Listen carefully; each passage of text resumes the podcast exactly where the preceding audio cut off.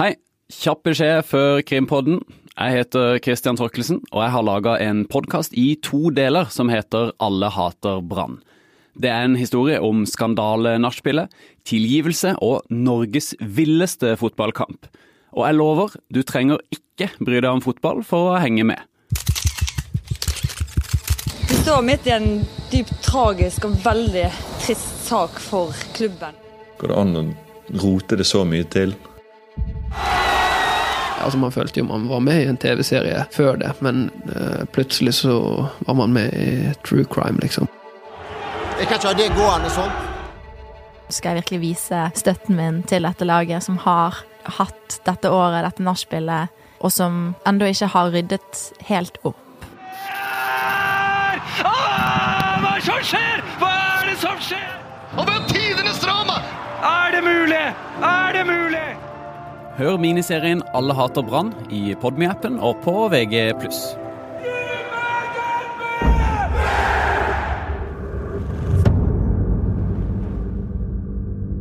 Hva føler du egentlig når du har jobba for å få frikjent Viggo Kristiansen i lang tid? Møtt motstand og kanskje nesten blitt ledd av. Og så kommer endelig den avgjørelsen du har kjempa for. Og hva skjer videre i Baneheia-saken nå? Jeg heter Tor Erling Tømt Ruud, og dette er Krimpodden i VG.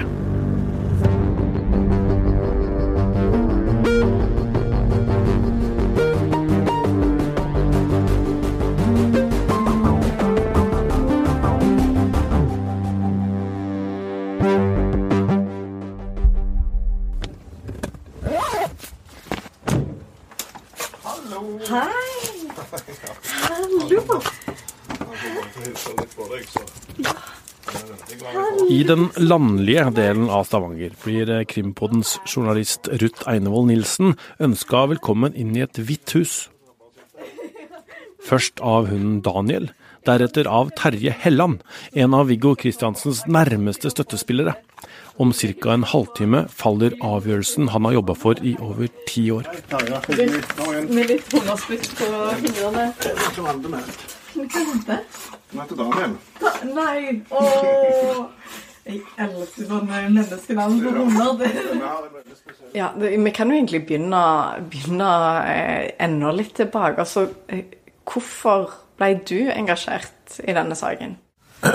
Ja, jeg hadde en par andre saker jeg samarbeidet med Arvid Kjedin. Og når han i praksis var alene, delvis sammen med Øyvind Pedersen, så, så sendte han meg noen dokumenter og ba meg lese de, og jeg motvillig gjorde det. For jeg skulle ikke inn i den saken. Som alle andre så var jeg overbevist om Viggo Kristiansen sjøl.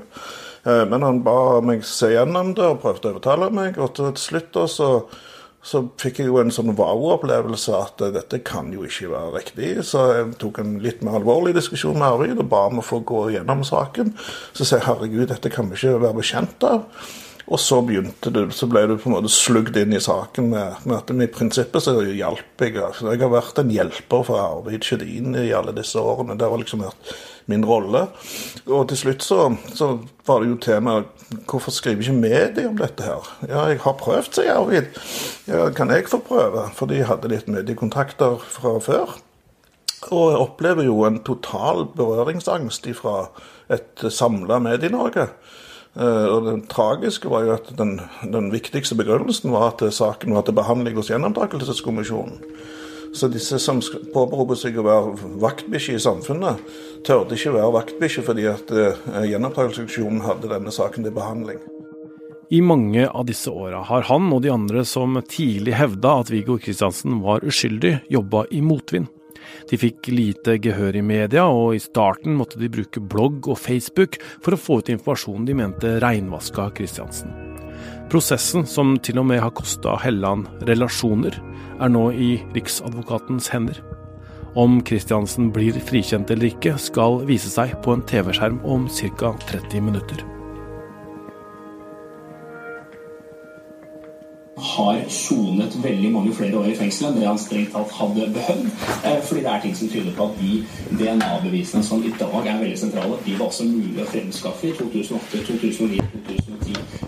Så det er i hvert fall to steder det er relevant eh, å se nærmere på hva som har skjedd i kommisjonen og i etterforskningsledelsen i sin tid. Så nei, det er bare spent, kjenner jeg. Det, ja, det er veldig spennende, altså. Jeg må, ikke pga. at jeg er i tvil hva det blir, men, men dette er så viktig eh, for spesielt Viggo, men òg for oss andre, at det blir gjort ordentlig. Og det tror jeg Riksadvokaten har tatt hensyn til. Eh, fordi at det nå starter etterjobben, som er så viktig eh, for mange. Ikke minst for rettsstaten Norge. Og der er det flere aktører som en må, må gå etter og, og granske. Og det vi står overfor nå, eh, liksom, hvordan, hvordan, vil du karakterisere det eh, holdt jeg på å si, øyeblikket i, i norsk rettshistorie? Eller ja, for å stille det litt enklere, hva er det liksom vi står overfor nå, som det er ett minutt til at vi får vite? Ja, Hvis du kvantifiserer det, så er det jo, er det jo en ung mann som har sont uskyldig den lengste straffen som noen har sont uskyldig i Norge. Sånn at det, sånn, det kvantifiserbare her er jo Norges historie uansett. Men, men det, det, det, verste her, det er jo hvordan det var mulig. Hvorfor skjedde dette? Eh, og jeg pleier å si det, ingen bestemmer seg for å begå et justismord, men det ble det. Og imellom at det ble et justismord og, og, og, starten av denne saken, så har det skjedd noe. Det må vi finne ut hva som skjedde, og vi finner ut hvorfor vi ikke klarte å reparere før nå. Og hvor, hvor, viktig er det at dette skjer nå? Ja, det er veldig viktig. Men akkurat nå vil ikke jeg snakke med deg, for nå vil jeg høre på Maurud.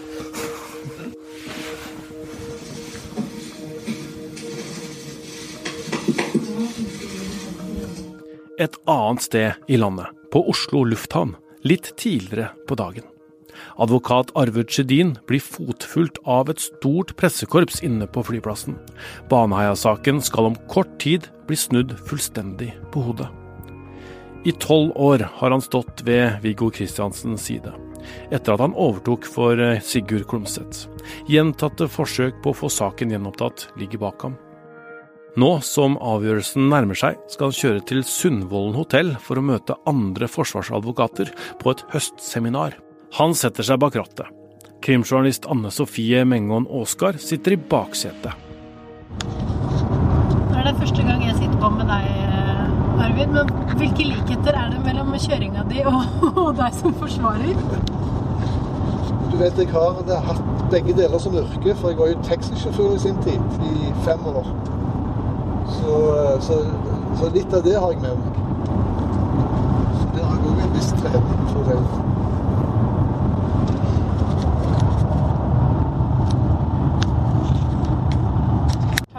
Ventet eh, lenge på at eh, fredagen skal komme? Allerede på onsdag fikk vi jo tydelige signaler.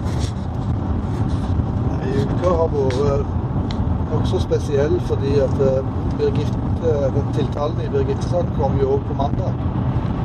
Så det var veldig mye som gikk vekk der. Og så gikk kom tirsdagen og onsdagen, og så fikk vi greie på, på, at dette skulle komme denne fredagen. Så vært veldig mye mas og presse i tiden nå, for å si det sånn. Det har eh, gått en eh, kort uke siden Riksadvokaten kom med sin avgjørelse. Og da må vi jo se litt eh, framover da, Øystein. Hva er det som kommer til å skje med den frifinnelsen nå? Det er jo mange ting som må avklares fremover, men det første som må skje, er jo at det formelt må avsies en, en frifinnende dom for Viggo Kristiansens del når det gjelder Baneheia-drapene. Og det kommer til å skje ganske fort. Allerede etter at, eh, ja, like etter at Riksadvokaten kom med sin redegjørelse på fredag, så, så, kom det jo beskjed fra Borgarting lagmannsrett, som skal ta denne saken, at man eh, vil ha en rask prosess, og man eh, forventa at partene ville sørge for at det, det skjedde. Og Så vet vi jo også at, at Maurud har jo muligheten, eller påtalemyndigheten har muligheten til å samtykke til en Eh, en, en, en, enkel behandling, eh, uten at det er noen eh, frammøte i retten, en skriftlig behandling, og det hadde de gitt sitt samtykke til. Så ble det meldt at Viggo Kristiansen ønsker å møte i et rettsmøte. Eh, og der, der står vi vel nå. Eh, og så jobber helt sikkert Borgarting lagmannsrett mens vi sitter her og prater, Tor Erling, om jobber de med å, å, få på plass da det praktiske. Finne tid og innkalle partene, og også finne form på dette. Ja for, ja, for han så er det vel en forskjell på å få en frifinnelse i form av et ark eh, nærmest i posten, eller å på en måte møte eh, i en rettssal, og at det er, er eh, eh offisielle aktører rundt ham. da. Ja, jeg tror uh, mye tyder på, og det skal vi jo snakke mer om andre momenter, men det er jo ikke tvil om at man ønsker å renvaske seg så langt som overhodet mulig. Og, og, i den grad noen skulle sitte igjen med noen tvil, så ønsker man å få den vekk. Og det kan man jo da gjøre ved å ta ulike grep eh, inn i prosessen. Annet det ved å belyse det å si, mer offentlig eh, enn det vil gjøre hvis man har en skriftlig behandling, og så kommer det en, en dom eh, etter det, så, så, vil det bli et helt annet oppsett hvis man møter og forklarer seg og, og, og kjører den eh, prosessen. Så får vi jo se helt rent praktisk hvordan dette blir gjort etter hvert. Eh, det har vi jo ikke noe informasjon om eh, foreløpig. Og så skal Viggo Kristiansen også få en straff det vil si at det skal utmåles en straff for de lovbruddene som han har erkjent. Det foreligger lovbrudd. Det er da overgrep mot en eh, mindreårig jente. En annen jente enn de to som ble drept i Baneheia. Eh, det foregikk eh, i en periode hvor denne jenta var mellom sju og ni år, og Viggo Kristiansen var 15 til 17 år. Dette her har han erkjent. Og så er det et lovbrudd som går på ja, kall det plagsom atferd mot en nabokvinne. Ehm, hva, hva, skjer rundt det? Ja, Han vil jo bli frifunnet for Baneheia. Uh, Baneheia-saken. Uh, det er det jo ingen tvil om. Og så er det jo sånn at han, som du sier, Tor Erling, har erkjent overgrep mot en, en jente på en sju-åtte år. Og der skal det da utmåles en, en straff. Uh, og så er jo den straffen, om det blir en fengselsstraff, så er jo den sona. Men, men, den vil jo Lengden på den straffen vil jo bli sett på da i forbindelse med erstatningen som Viggo Kristiansen skal ha. For da er det jo da Han har sittet i fengsel, men det blir da uh, for en, for en, et, en Baneheia-drap som han ikke har begått, og som han er uskyldig, men man må jo da legge inn og få en, få en straffeutmåling for den Eh, de overgrepene. Og da står man igjen med et eh, uoppklart drap eh, i Baneheia-saken på ti år gamle Lena Sløgdal Paulsen. Jan Helge Andersen er per nå også sikta for det drapet. Hva vil skje med etterforskningen videre der?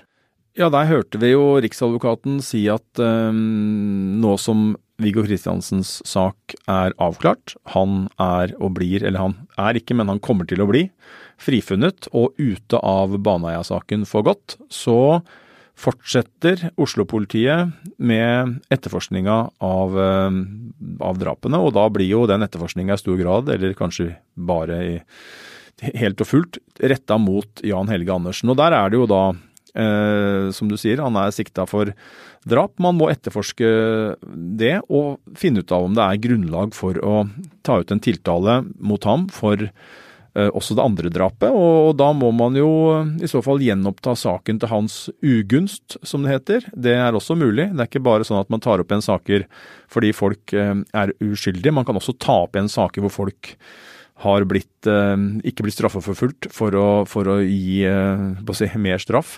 Og det er jo det som er aktuelt og kan komme til å skje her. Hvor sikre må man da være da på bevisene hvis det skal skje? Nei, Man må være bortimot 100 eh, sikker. Det er jo det samme beviskravet her som i enhver annen sammenheng når noen skal dømmes til straff. Uh, um, og da er jo det selvfølgelig en, en, vei å gå. Man har nå fått en rekke DNA-spor uh, som jo er av interesse i en sånn sammenheng. Eh, og så må man jo bare avvente da den etterforskninga som, eh, som politiet skal eh, foreta. Jeg vet ikke hva den kommer til å bestå i, men det kan jo f.eks. tenkes at man ønsker å avhøre Andersen på nytt. Det kan hende at man vil gjøre noen ytterligere undersøkelser som man ser eh, har dukka opp behov for gjennom etterforskninga som har pågått nå, men som ikke har vært eh, nødvendig å foreta før man avklarte Kristiansens sak. Eh, så det blir svært spennende å se hvordan dette ruller videre. Om det blir en, en henleggelse og da et drap som blir stående uoppklart, eller om man kommer til å tiltale Andersen og eventuelt da få, om han blir dømt, en, en full oppklaring av Baneheia-saken. Ja, så er, og så er det jo varsla at Kristiansen kommer til å anmelde Jan Helge Andersen for falsk forklaring. Ja. Eh, Sjødin har jo varsla det, og, og, det mm, er jo ikke så uventa, vil jeg si. Viggo Kristiansen har jo vært veldig klar hele veien på at Andersen lyver når han trekker Kristiansen med seg i eh, drapshandlingen, og med da Riksadvokatens eh, klokkeklare beskjed på fredag, og en frifinnelse som nå bare er noen formaliteter unna, så er jo det en logikk i at man da mener at eh, han skal straffes for falske anklager. Som vi jo husker, så har jo ikke bare Andersen knytta Kristiansen til drapene i Baneheia, men han har jo også utpekt han som hovedmann bak både drap og overgrep. Og ja, så får vi jo se hva politiet gjør med den. Den må jo da, som siktelsen for det andre drapet, så må jo også da denne anmeldelsen her etterforskes. Så Oslo-politiet kommer til å få nok å gjøre med Baneheia-saken fremover. Og så er det jo da forventa at det blir en erstatning her. At eh, Viggo Kristiansen får erstatning. Og så ser jeg nå at eh, mange mener at den må bli skyhøy. Ja, den kommer til å bli høy. Uh, og Det er bare å se på hva som har vært utmålt av erstatning i de andre justismordsakene vi kjenner. Og så har det gått uh, en god del år siden, siden de uh, ble et faktum. Og da um, er jo selvfølgelig her som ellers i samfunnet at, at verdiene, eller pengene, er ikke så mye verdt som de var før. Så derfor så må summen opp. Og Sjødin har jo varsla at det kommer et krav på 30 eller over 30 millioner kroner, og så er det opp til retten å vurdere. Men det er jo ikke tvil om at eh, Viggo Kristiansen skal ha en betydelig erstatning. Han har sittet ja, bortimot 21 eh, år, da med det forbeholdet vi snakka om før i forhold til hva den ene saken som han skal ha en straff for, hva utfallet der blir. Men han har sittet veldig mange år uskyldig i fengsel, og han skal Uh, han har mista muligheten til å jobbe, han har mista muligheten til å leve et vanlig liv, og han har sittet på en forvarings... Uh, Uh, avdeling, som jo er uh, ikke gjør saken noe bedre, for å si det forsiktig. Og det er klart at da, da blir dette en, en, en, en, erstatning av en betydelig størrelse. Men han er jo også dømt til å betale erstatning selv òg? Ja, her kommer jo da igjen uh, dette problemet som vi kjenner fra Tenk-saken opp, nemlig at Eh, man blir frifunnet for eh, den straffbare handlingen, men i straffesaken så har det også blitt behandlet et sivilt erstatningskrav. Og når man da gjenåpner en dom, eller, eh, eller, blir, eller, når man blir frifunnet, så forsvinner ikke den delen av det. Og her er det jo bare å, å si, kopiere inn det vi har snakka om i forhold til fetteren. At da er det da en Og her er det for en, foreldelsesfrist på ti år, som gjør at det er man klør seg i hodet, juristene nå. Eh, og så vil jo kanskje Viggo Kristiansen få drahjelp av den prosessen som, som fetteren eh, og hans sak nå eh, er gjenstand for. fordi at det er jo venta at det blir en avklaring der. Nå vet vi at tiltalen mot Jonny Vassbakk er tatt ut, og det er jo varsla fra rettsvesenet at så fort det var på plass, så ville man se på denne erstatningen og se om man kan oppheve den. Og da vil jo det kanskje kunne være til nytte for Viggo Kristiansens sak også, om man da kan bruke den samme begrunnelsen for å um, gjenåpne eller fjerne da den erstatningssummen som han eh, fortsatt har hengende ved seg for eh, Baneheia-saken.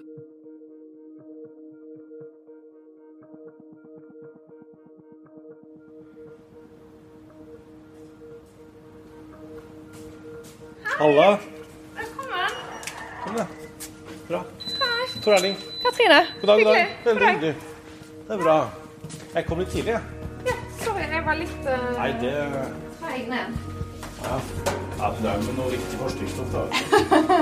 ja. Noe sånt. Ja. ja. ja. Eh, hvor vil du være? Vi har jo et lydstue her hvis du vil være Det er veldig fint, for der er det sikkert ganske fin lyd. Ja. Jeg bruker bare den her, men det Ja. mm. Det kan vi gjøre. Ja. Da skal jeg bare innom kontoret, og så Kan vi gå innom der først? Ja. Jeg er på Politihøgskolen i Oslo, og her eh, jobber førsteamanuensis Katrine Holter. Hun har doktorgrad i strafferett, og du har kanskje hørt henne i podkasten Rett og slett. Det er en podkast som handler om rettsstaten vår. Eh, Og som jeg sier innledningsvis i hver episode, så er det en podkast om det som er rett, og det som er slett i vår rettsstat. Mm. Men nå skal vi snakke om den erstatningen som eh, Viggo Kristiansen kan få. Hvordan kan den regnes ut? Da er det to, i hovedsak to ulike typer krav som kan være aktuelle. For det første så kan man få dekket økonomisk tap. Da vil det typisk være for tiden man har sittet i fengsel, og det som går til da tapt arbeidsfortjeneste. Det kan også bli snakk om økonomisk fremtidig tap, altså hvis man kan påvise at man f.eks. Eh, har fått psykiske skader av den behandlingen man har, eh, har eh, blitt utsatt for, og at eh, det kan få betydning for eh, ens arbeidsevne i fremtiden. Så kan det også være snakk om fremtidig tap. Eh, Den andre posten det vil knytte seg til en såkalt oppreisning. Og en oppreisning det er en eh, godtgjørelse som man gir i penger for en skade som man prinsipielt sett ikke kan måle i penger. Eh, Man kan si det sånn at penger blir på en måte botemiddelet her, fordi at en mer adekvat reparasjon av denne skaden ikke er praktisk mulig. Og Da snakker man gjerne om eh, oppreisning for tort og svie. Der eh, tort, altså da, da tenker man på en form for psykisk lidelse, herunder da skade på en persons selvfølelse og æresfølelse. Og eh, svie, da tenker man typisk på fysisk smerte og lidelse. Hvis man tar dette med økonomisk tap først, da, hvordan eh, ser man på det? Ja, her må det jo skje en eh, konkret beregning ut ifra Viggo Kristiansens tilfelle. Men eh, hvis vi for et sånn tankeeksperimentets skyld tar utgangspunkt i, eh, i det som er dagens gjennomsnittslønn for nordmenn, altså 550 000 kroner i året, så vil jo da en eh, tapt arbeidsinntekt beregnet for 20 år, det blir 11 millioner kroner. Og denne oppreisningen, da? Eh, Når man skal se på oppreisning, så er det naturlig å gå tilbake og se på eldre justismordsaker. I Liland-saken, som var et, eh, et eh, øksedrap som skjedde i Fredrikstad i 1969, så så man på en justismordsak som var fra 1903. Og i Baneheia-saken så må man se til Liland. Per Christian Liland ble altså dømt for disse to drapene. Eh, Begge drapene hadde skjedd under særdeles skjerpende omstendigheter. Det som gikk eh, galt i Liland-saken, det var jo at eh, dette drapet skjedde på et tidspunkt der Liland hadde alibi. I tillegg så var det en rekke vitner som hadde sett eller hørt de drepte etter det drapstidspunktet som de første sakkyndige hadde antydet. Eh, Så Per Christian Liland han ble frifunnet i lagmannsretten i 1994, og da hadde han sonet 14 år i fengsel. Erstatningssaken den havnet til slutt på Høyesteretts bord. Og Høyesterett tar altså stilling til dette her i 1995. Og Høyesterett skriver i denne dommen at eh, Per Christian Lilands oppreisningskrav springer ut av en straffesak som savner sidestykke i den norske strafferetts nyere historie. Liland er ved en feil fra rettsvesenets side blitt rammet på en av de verst tenkelige måter og blitt berøvet en meget stor del av sitt liv.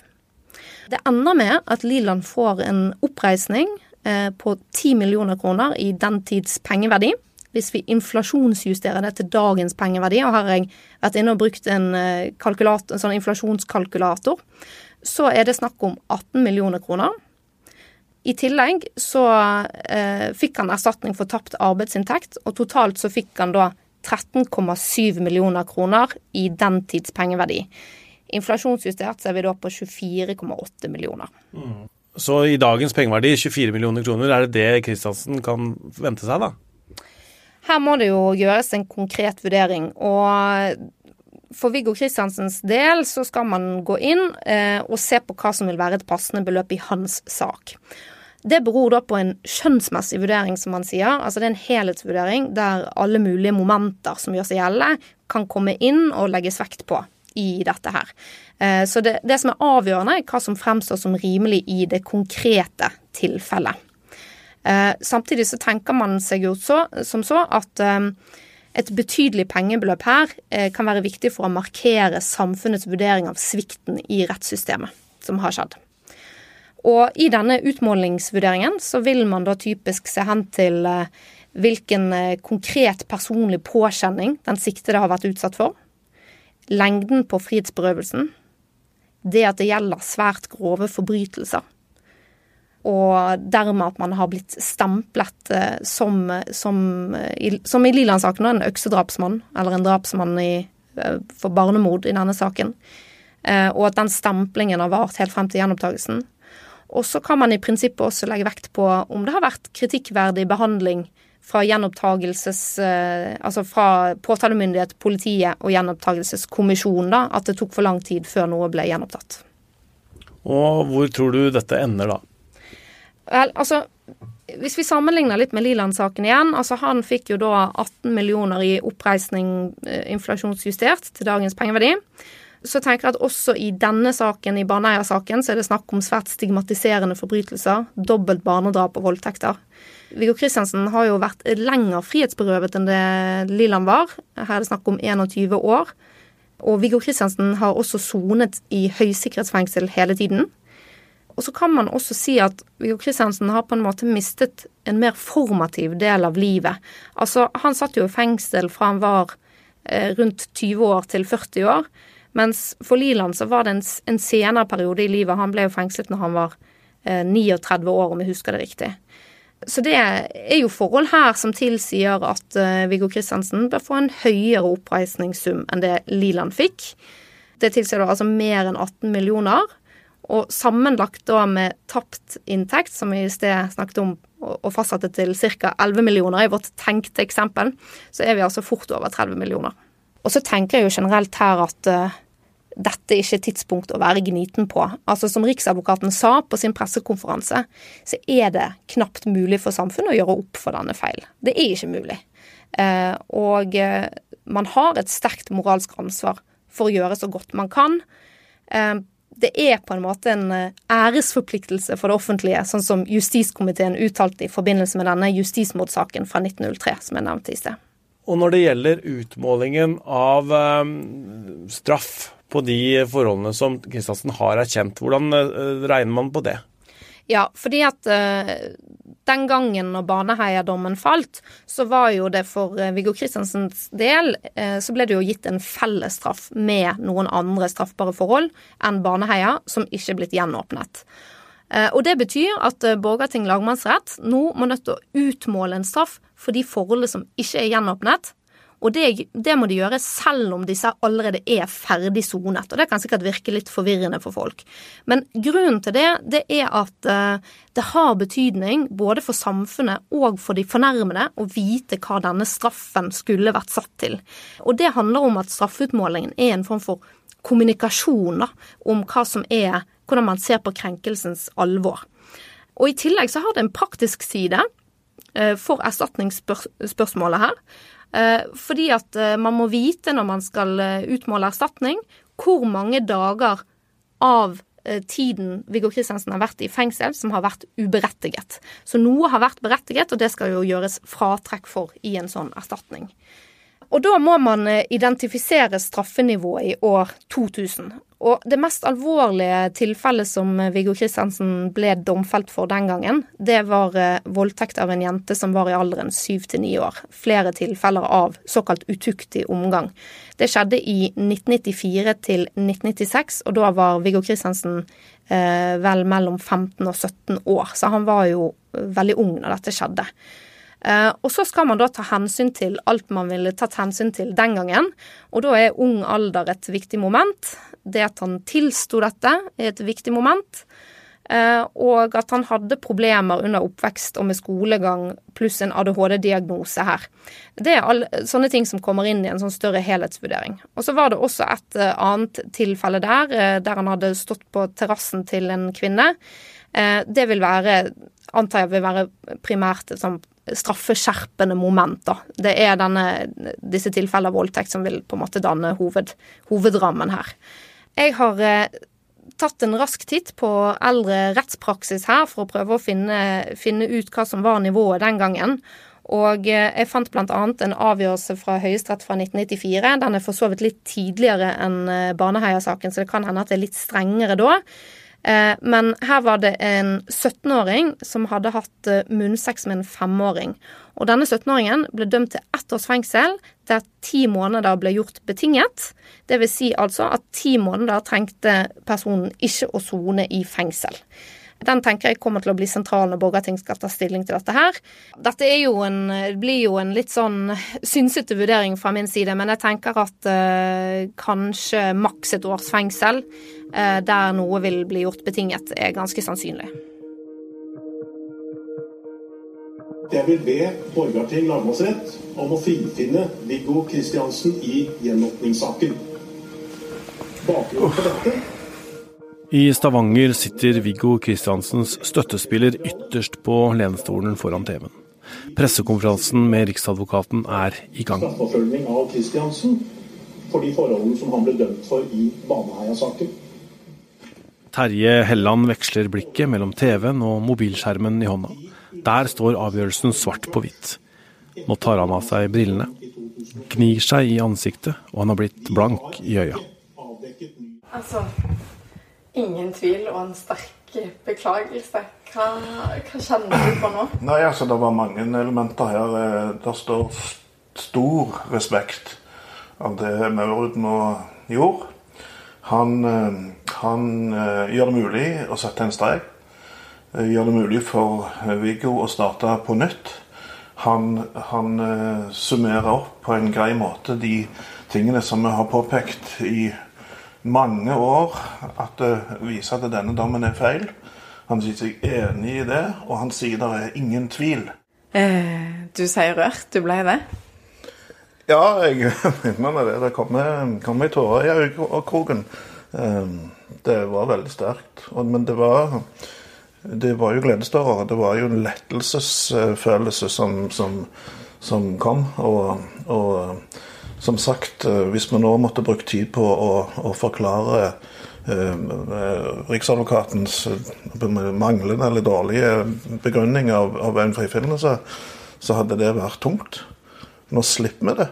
Nå kan vi konsentrere oss om å, om å ta denne saken videre. Um, og, og, selv Riksadvokaten sier òg det, at dette må ettergås. Og det må gjøres grundig, og det må gjøres uh, med alle aktører i denne saken som har svikta. Og det, da mener jeg alt ifra eh, selvfølgelig politiet, på, påtalemakten, eh, Rettsmedisinsk institutt, media. Eh, alle aktører som på en måte har vært i befatning med denne saken, må ettergås og hvilken rolle de har hatt. Så tydelig uttalt, og hvordan føles det?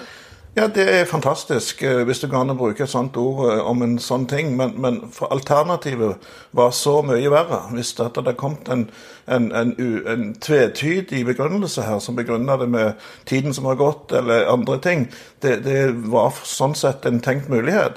Men, men uh, Riksadvokaten har valgt å gå tydelig ut, peke på bevisene og si at, er, at Viggo Kristiansen er uten tvil uskyldig. Hvor mye betyr dette? Det betyr jo mye for mange, men, men som sagt eh, Det betyr selvfølgelig alt for familien Kristiansen og Viggo Kristiansen eh, personlig. For oss andre så viser det jo bare at vi har en jobb å gjøre. Eh, og den starter nå. Og nå, da? Hva er det som venter? Du er jo opptatt av veien videre. Ja, eh, nå er det jo selvfølgelig viktig at eh, vi som kjenner saken fra kulissene, eh, bidrar der vi kan bidra i å påpeke de tingene som jeg mener en bør se på. Eh, som er? Ja, det er altså både hvordan det er mulig at eh, et justismord blir til. Hva slags eh, mekanismer er det som må til for å hindre at det skjer? Mens Krimpodden har vært på besøk, har de røde varslingene hopa seg opp på telefonen til Terje Helland. På en dag som dette er det mange som vil ha tak i ham, som allerede i 2014 skrev blogginnlegget 'Er Viggo Kristiansen uskyldig dømt?' Nå har han NRK på tråden.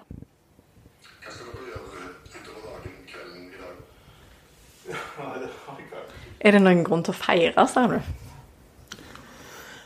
Ja, for så vidt. eh, For så vidt er det jo det. Altså, det er jo definitivt en, en gledens dag sånn sett.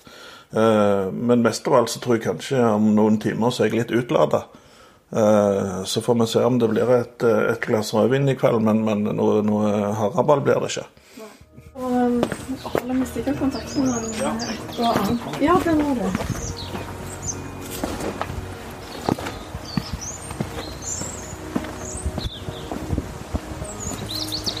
Ha det godt. Ja, Øystein. Eh, og så veit vi nå at eh, Spesialenheten for politisaker gransker om det blir gjort noe straffbart fra politiets side i Baneheia-saken. Der har det foregått også en eh, prosess. Hva, hva, hva veit vi om det? Ja, det er jo en etterforskning som pågår, og den eh, avgjørelsen, eh, utfallet av den, skal være rett rundt hjørnet. Og da gjenstår det å se om, om Spesialenheten mener at det er bevist at det er noen i Agder-politiet som har eh, begått en straffbar handling i forbindelse med, med denne saken. Eh, og det er eh, ja, Nå er vi snart i slutten av oktober, så det skal vel ikke si at det kommer i oktober, men jeg regner med at i hvert fall i løpet av november så har vi avgjørelsen på plass. Og så rettes det sterk kritikk mot eh, Gjenopptakelseskommisjonen for straffesaker. Det er jo de da, som vi har snakka om nå eh, i noen år, eh, som kan gjenåpne saker hvis man hevder seg uskyldig dømt. Eh, hva mener du må gjøres med Gjenopptakelseskommisjonen? Jeg mener er naturlig at man eh, går gjennom eh, både hvordan eh, kommisjonen jobber før saker blir fremmet, men også hvordan de behandles i selve kommisjonen. Det er jo sånn at man har et apparat som utreder sakene, eh, og som vi i VG har skrevet, så er det jo eh, i Baneheia-saken så er det jo i stor grad eh, et veldig begrensa antall personer som har sett på saken. og det er klart... Opp gjennom åra? Opp gjennom åra. Det har jo vært mange begjæringer, eh, og det kommer en begjæring. Og, og samme, hvis det er samme saksbehandler som skal se på saken en gang til, så kan man jo tenke seg at man eh, har en, eh, en eh, oppfatning allerede.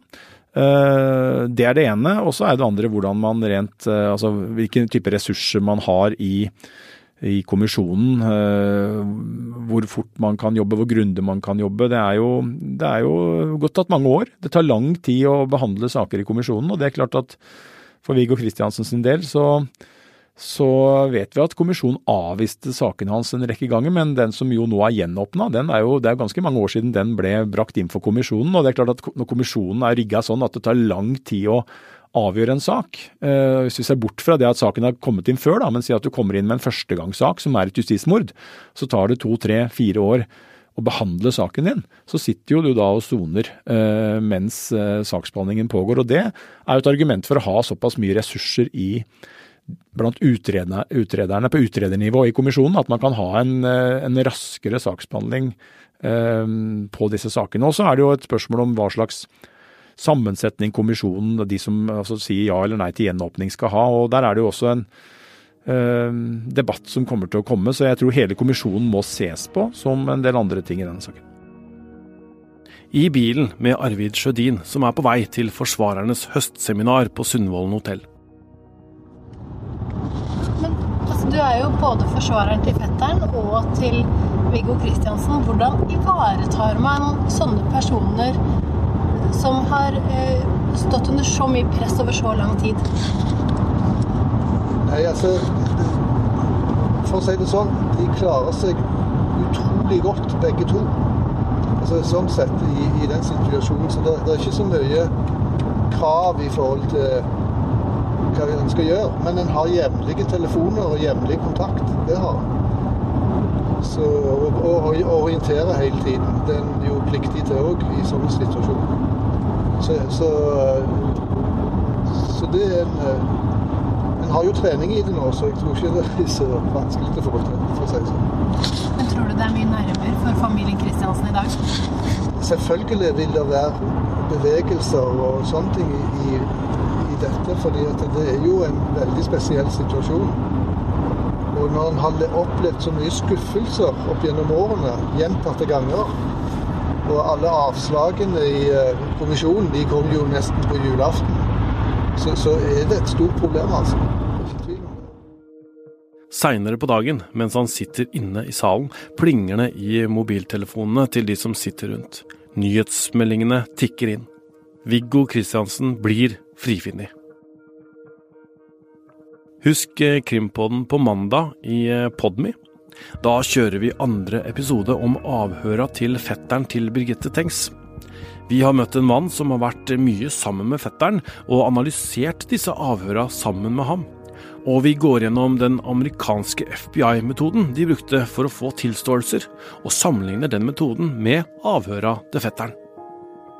Denne episoden er laga av Ruth Einervoll Nilsen, Anne Sofie Mengon Aasgard, Ingrid Bergo og Øystein Milli.